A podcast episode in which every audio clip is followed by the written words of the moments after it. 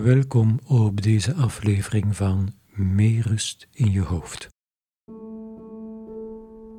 De bedoeling van deze podcast is eenvoudig: je drukke hoofd even tot rust te laten komen. In het eerste seizoen, tot en met aflevering 7, zochten we die rust op door de beleving van een korte meditatie of relaxatie en door op te gaan in de beleving van een verhaal. In het tweede seizoen gaan we op zoek naar inspiratie om ruimer te kijken naar de landschappen van het leven. Rust in je hoofd kan je immers ook vinden door te kijken vanuit nieuwe, verruimende perspectieven. Vertel me over je luisterbeleving, ik lees je graag. Het zou ook fijn zijn mocht je deze podcast willen delen. Ik wens je nog veel luisterplezier.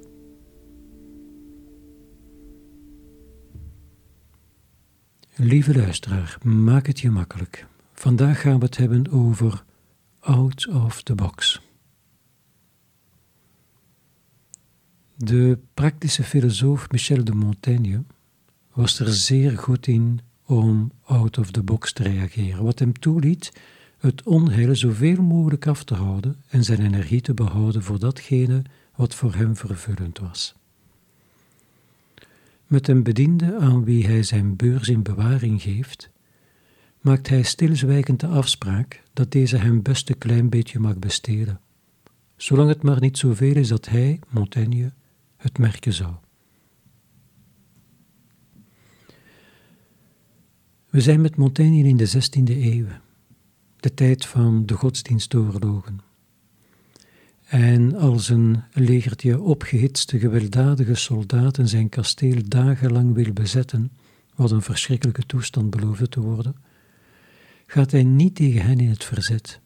Integendeel, hij nodigt ze hartelijk uit en maakt een groots buffet voor hen klaar op de binnenkoer van het kasteel met de lekkerste gerechten en wijnen. De muiters, de muiters zijn op het einde van de dag even dronken als dankbaar en verlaten het kasteel zonder dat er maar een spoortje van het gevreesde geweld aan te pas kwam.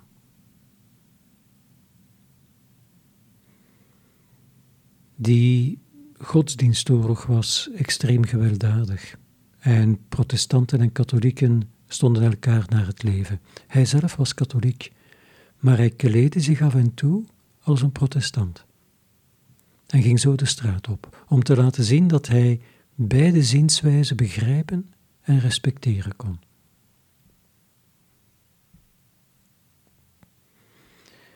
Dat talent om in je reacties buiten je gewoontegedrag te stappen en net het andere te doen van wat verwacht wordt, is weinig gegeven. Terwijl het net datgene is wat ons leven zoveel rijker kan maken. We zijn ook gewoontebeestjes. En dat is wat me ook opgevallen was in mijn klinische psychotherapiepraktijk. Vanuit mijn ervaring van ongeveer 44 jaar. Met mensen die mij hun moeilijkheden kwamen vertellen, heb ik iets geleerd, en daar ben ik hen ontzettend dankbaar voor, over de manier waarop mensen met hun moeilijkheden omgaan. Ik vroeg hen, als ze me vertelden over hun problemen en moeilijkheden en klachten, ook altijd: hoe ga je daarmee om? Wat doe je daaraan? En toen begon het me op te vallen dat mensen vaak een probleemversterkende probleemoplossing toepasten. In plaats van af te nemen, werden daardoor de problemen vaak erger alsof dat ze een olievlek waren die zich begon uit te breiden. En bovendien veroorzaakte die probleemoplossende houdingen die ze hadden, of gedragingen, vaak ook nieuwe klachten. Zoals slaapstoornissen, men lag er wakker van, psychosomatische klachten, men kreeg er maag- of hoofdpijn van, relatiefricties, er kwam ruzie van. Want Ze bleven alsmaar piekeren. Ze liepen viesgezind rond. En dat piekeren en dat malen, dat maakte dat ze zich wat terugtrokken uit het leven. En dat hun klachten absoluut niet veranderden daardoor. En toch bleven ze dat toepassen, reflexmatig. Zoals dat men meer gas neigt te geven als de benzinetank haast leeg is, om sneller het benzinestation te bereiken, niet beseffend dat je daardoor juist meer verbruikt en wellicht waar maakt wat je vreest. In mijn boek beschrijf ik drie taaie klassiekers van dat meer van hetzelfde gewoontegedrag waarmee dat mensen reageren als ze het moeilijk hebben. Piekergedrag, wat ik daarnet noemde. Piekeren is als schommelen, je gaat heen en weer, maar je gaat absoluut niet vooruit. En het leidt tot innerlijke spanningen. En dan die secundaire klachten zoals slaapstoornissen omwille van die spanningen. Een tweede is vermijdingsgedrag, van de moeilijkheden weggaan in plaats van er naartoe te gaan. Waardoor dat je ze nooit leert te overwinnen en waardoor dat je ook geen corrigerende perceptie ontwikkelt. Met een corrigerende perceptie bedoel ik, je hebt een overtuiging, bijvoorbeeld ik kan dit niet of uh, ik kan daar niet tegen. En zolang dat je die situaties dan vermijdt, ga je ook geen ervaring opdoen dat het tegendeel kan waar zijn, namelijk dat je er wel tegen kan en dat het jou wel lukt. En het derde is uitstelgedrag. Die neiging om alsmaar te wachten tot de last voorbij is en pas dan het volle leven in te stappen. Die drie reacties doen we haast automatisch en helaas altijd opnieuw. Ik vergelijk het dikwijls met de vliegen die je in huis kan hebben.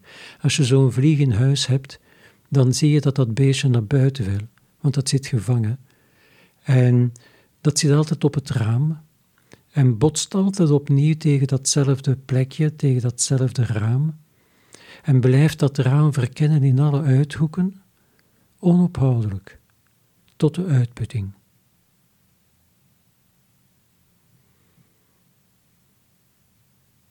Mensen zijn een beetje als vliegen.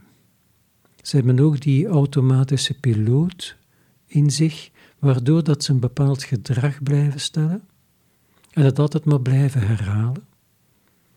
Terwijl als je wat afstand zou nemen, dan kan je vaak vanuit die afstand een ruimer beeld krijgen van andere reactiemogelijkheden, van alle andere oplossingen. Dat zou die vlieg ook kunnen doen. En dan zou ze ontdekken dat er deuren en vensters, talloze kieren en spleetjes en openingen zijn langs waar dat ze kan ontsnappen. Maar daartoe moet ze bereid zijn even die afstand te nemen. Nog een stapje verder, maar dat is dan helaas niet meer voor vliegen, is out of the box reageren. De box is dan het automatisch gedrag van mensen die reflexmatige reactie en dat reflexmatig gewoonte denken, met, zoals ik daar straks vertelde, een onopgemerkt probleemversterkend effect. Als je altijd in die ene richting je problemen probeert op te lossen, soms jaren aan een stuk, en het veranderde voor geen millimeter, dan weet je nog niet welke richting zeker de juiste is, maar je ervaring heeft je intussen wel duidelijk geleerd welke richting je niet langer uit moet. De meer van hetzelfde richting. En je kar 180, 180 graden draaien lijkt me dan ook de beste optie die je nemen kan.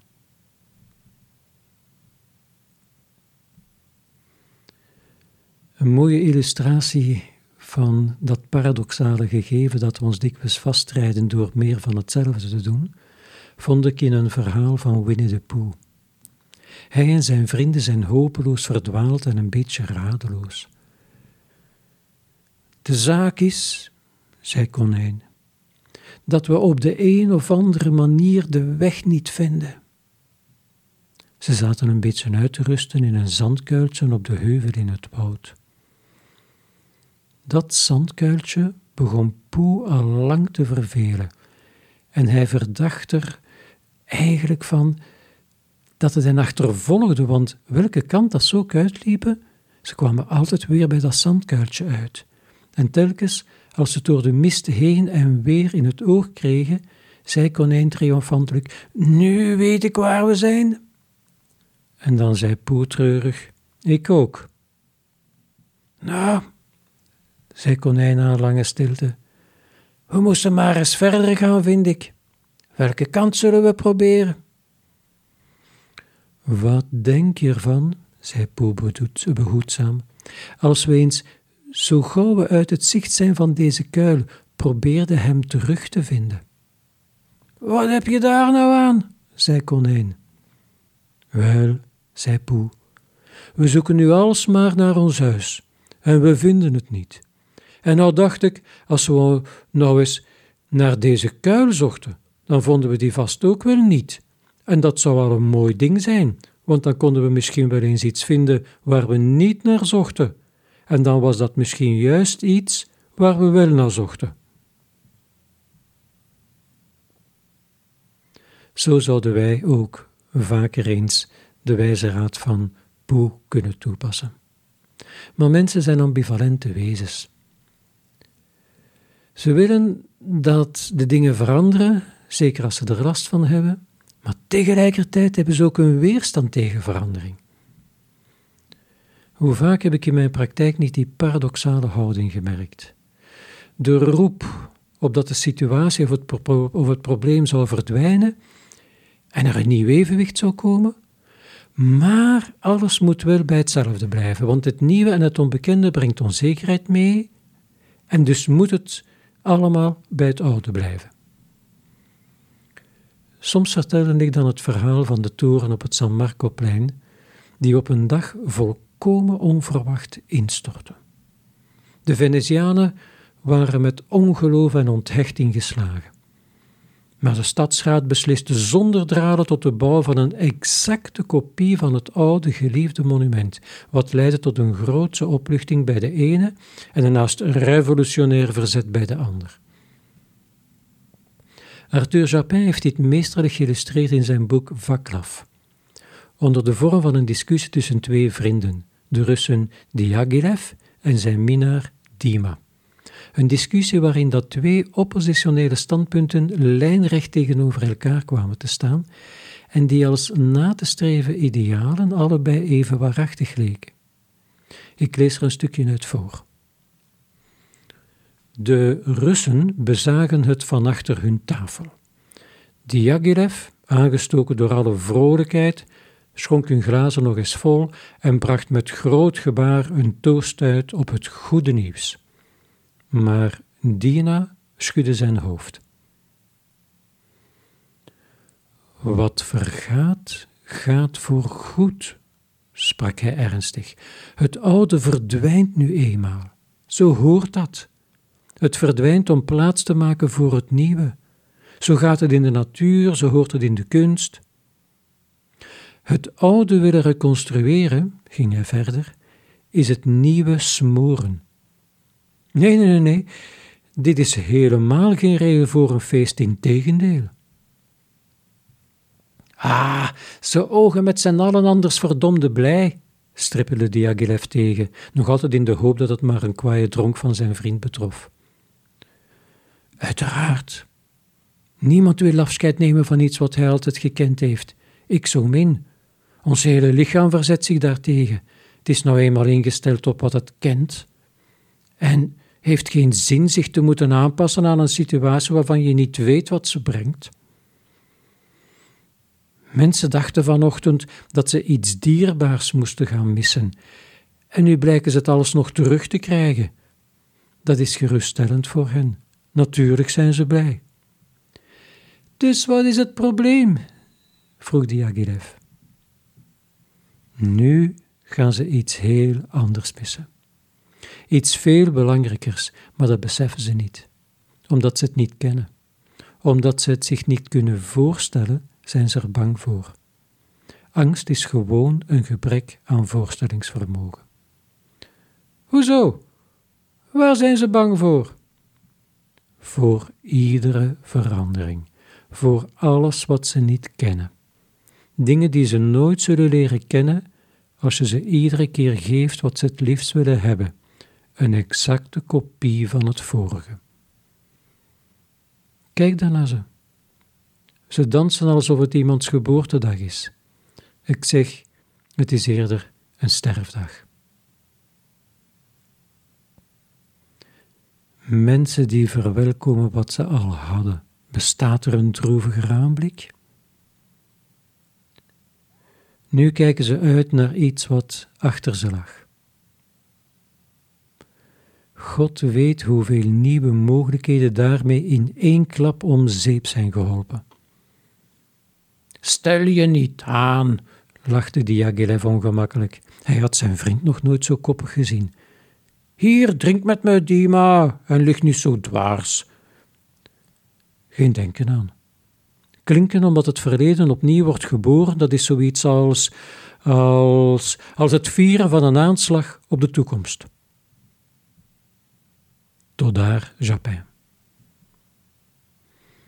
Zit er niet in elk van ons Eentje die de toren meteen zou vervangen door een identiek exemplaar om het vertrouwen te koesteren, de gewoonte te bewaren, de vermeende zekerheden te bestendigen? En zit er niet in elk van ons evenzeer eentje die net het tegendeel wil? De tak waarop dat men zat afzagen omdat hij rood begint te worden? Tabula rasa maken met het verleden?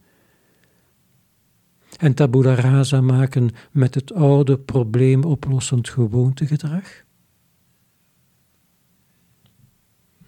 Zeker, ze zijn in conflict met elkaar, die twee. Ze verwarren ons en destabiliseren ons, maar geleidelijk aan beginnen we ze te herkennen. En dan is het een kwestie van keuzes maken. Als je merkt dat je niet vooruitkomt met het probleemoplossend gedrag dat je toepast, dan is de tijd aangebroken om er afstand van te nemen en nieuwe manieren van om te gaan met de dingen toe te laten. Manieren waar dat je misschien nooit eerder aan gedacht hebt. Bijvoorbeeld erkennen, en als het even kan aanvaarden, dat het soms niet oplosbaar is, datgene waarmee dat je zit. Moeilijkheden of problemen moeten altijd koste wat het kost opgelost worden. Nu, dat is een begrijpelijke visie. Wat onaangenaam of verstorend is, moet weg. En soms lukt dat helemaal, soms slechts ten dele en soms helemaal niet. En het verzet tegen dat laatste, bijvoorbeeld door te blijven piekeren erover, of altijd opnieuw diezelfde zogezegde probleemoplossing toe te passen dat verzet leidt opnieuw tot een versterking van het probleem of tot nieuwe secundaire problemen. Die slaapstoornis, die maagpijn, die relatiefricties. En dat is wat men in het boeddhisme de tweede pijl noemt. De eerste pijl dat is het lot, het lot dat jou toevalt. Tja, dat kan je vaak niet ontkomen. Maar de tweede pijl jouw verzet tegen die eerste pijl, die tweede pijl, die gaat zoveel dieper dan de eerste. En die zorgt voor het lijden in het leven. Mensen blijven zich verzetten tegen wat hen in hun ogen vaak onterecht en onrechtvaardig te beurt valt. Het past niet in het plaatje dat ze van het leven hadden. En het moet weg. Maar stel, het gaat niet weg. Die ziekte blijft. Die baas draait niet bij. Dat weer blijft onprettig. Die relatie met die vriend komt niet goed. Wel, die kloof tussen het plaatje dat we hebben, dat het allemaal prima moet lopen. En de realiteit dat het vierkant loopt, dat gaan we alsmaar opnieuw dichten met dat eerder genoemd probleemoplossend gedrag. Piekeren, verzetten zijn de klassiekers. Een andere visie is dat je zou kunnen leren aanvaarden dat sommige dingen nu eenmaal niet veranderen. Dat sommige dingen nu eenmaal blijven. En dat jij ook er niet hoeft van weg te lopen. Dat jij ook er naartoe kan gaan en zeggen van oké, dat is zo. En dat blijkt niet veranderbaar. Ik ga er mij niet blijven op fixeren, maar ga wel erkennen dat het er is, maar ik ga het niet langer op de voorgrond van mijn aandacht plaatsen. En van het moment dat je dat dan begint los te laten, die fixatie erop, en dat je gaat focussen op de dingen die goed gaan in het leven, dan verandert er vaak veel.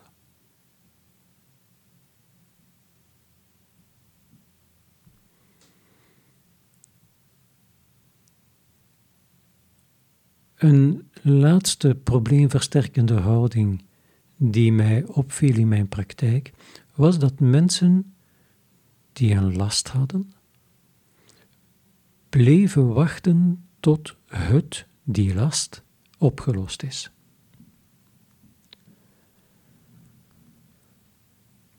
Omdat de realiteit anders loopt dan ons plaatje, gooien we als een kogelstoter dat ideale plaatje de toekomst in. En daar waar de kogel landt, zullen we eindelijk gelukkig zijn. Dat geloven we echt. En in afwachting, tja, in afwachting, tja, overleven we wel.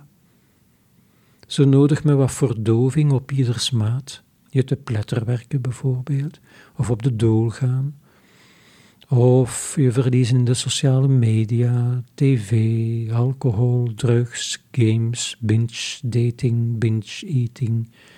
Een beetje meer consumeren. Allemaal verdoving.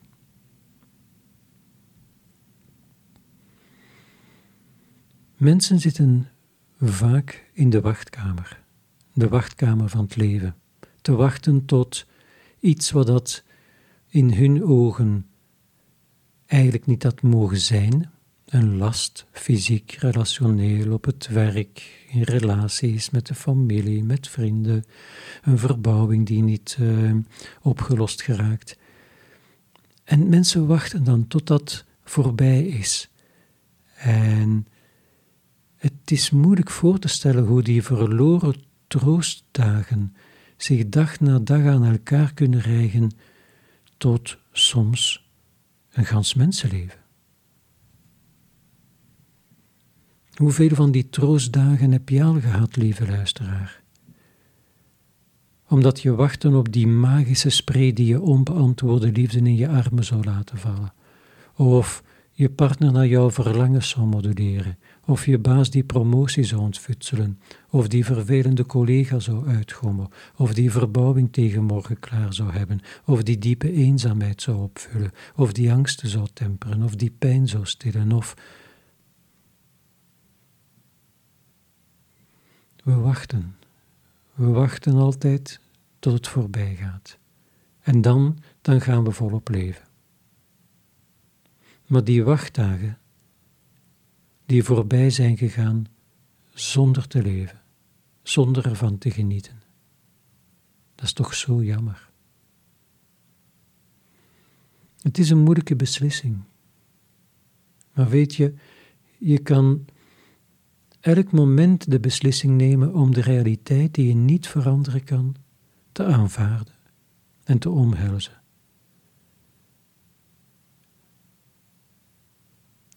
Want die realiteit is net zoals wij, wonderlijk onvolmaakt. En als je wacht tot het lastige voorbij is, dan mis je zoveel. En als het dan uiteindelijk voorbij is en je komt uit die wachtkamer, tja, dan glij je toch weer uit op die bananenschil, of poept er een vogel op je kop, of krijg je een venijnige mep van het lot.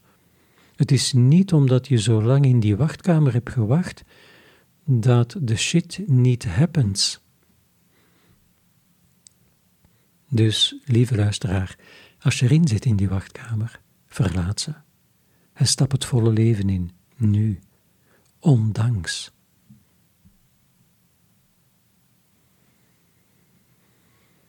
We hebben in deze uitzending een paar manieren overlopen die we onbewust toepassen als we te kampen hebben met problemen of moeilijkheden, en die allen gemeen hebben dat ze diezelfde problemen versterken of leiden tot nieuwe secundaire moeilijkheden of problemen of lasten. Dit bewust worden is een eerste stap om deze visieuze cirkel te doorbreken. Afstand nemen, het gewoontegedrag couperen, ruimer kijken en andere mogelijkheden leren zien en bewandelen. Dat is de tweede stap.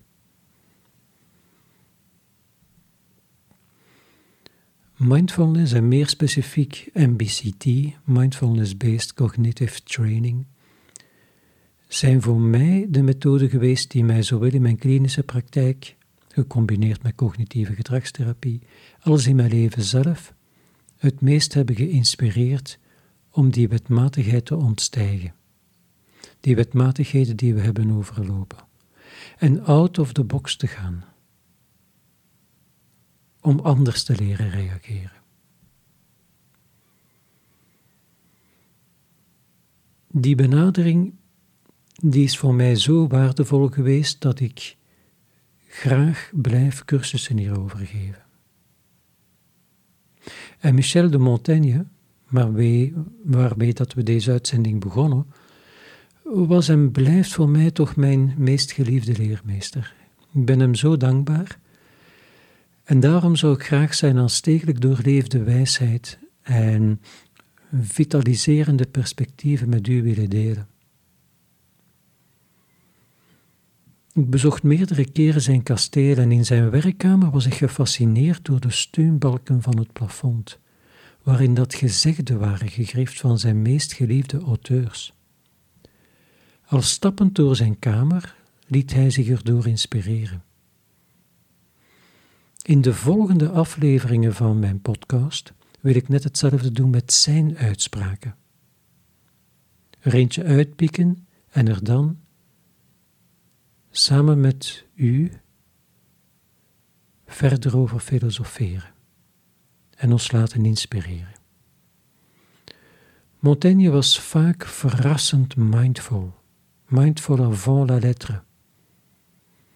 En daarom heb ik die nieuwe serie van de podcast Mindful met Montaigne genoemd. Maar let wel, Montaigne is geen ideaal model voor mindfulness. Daarvoor is hij veel te eigenzinnig. En net dat maakt hem zo boeiend. Vandaar dat ik de titel een beetje aangepast heb. Mindful met Montaigne, maar niet altijd.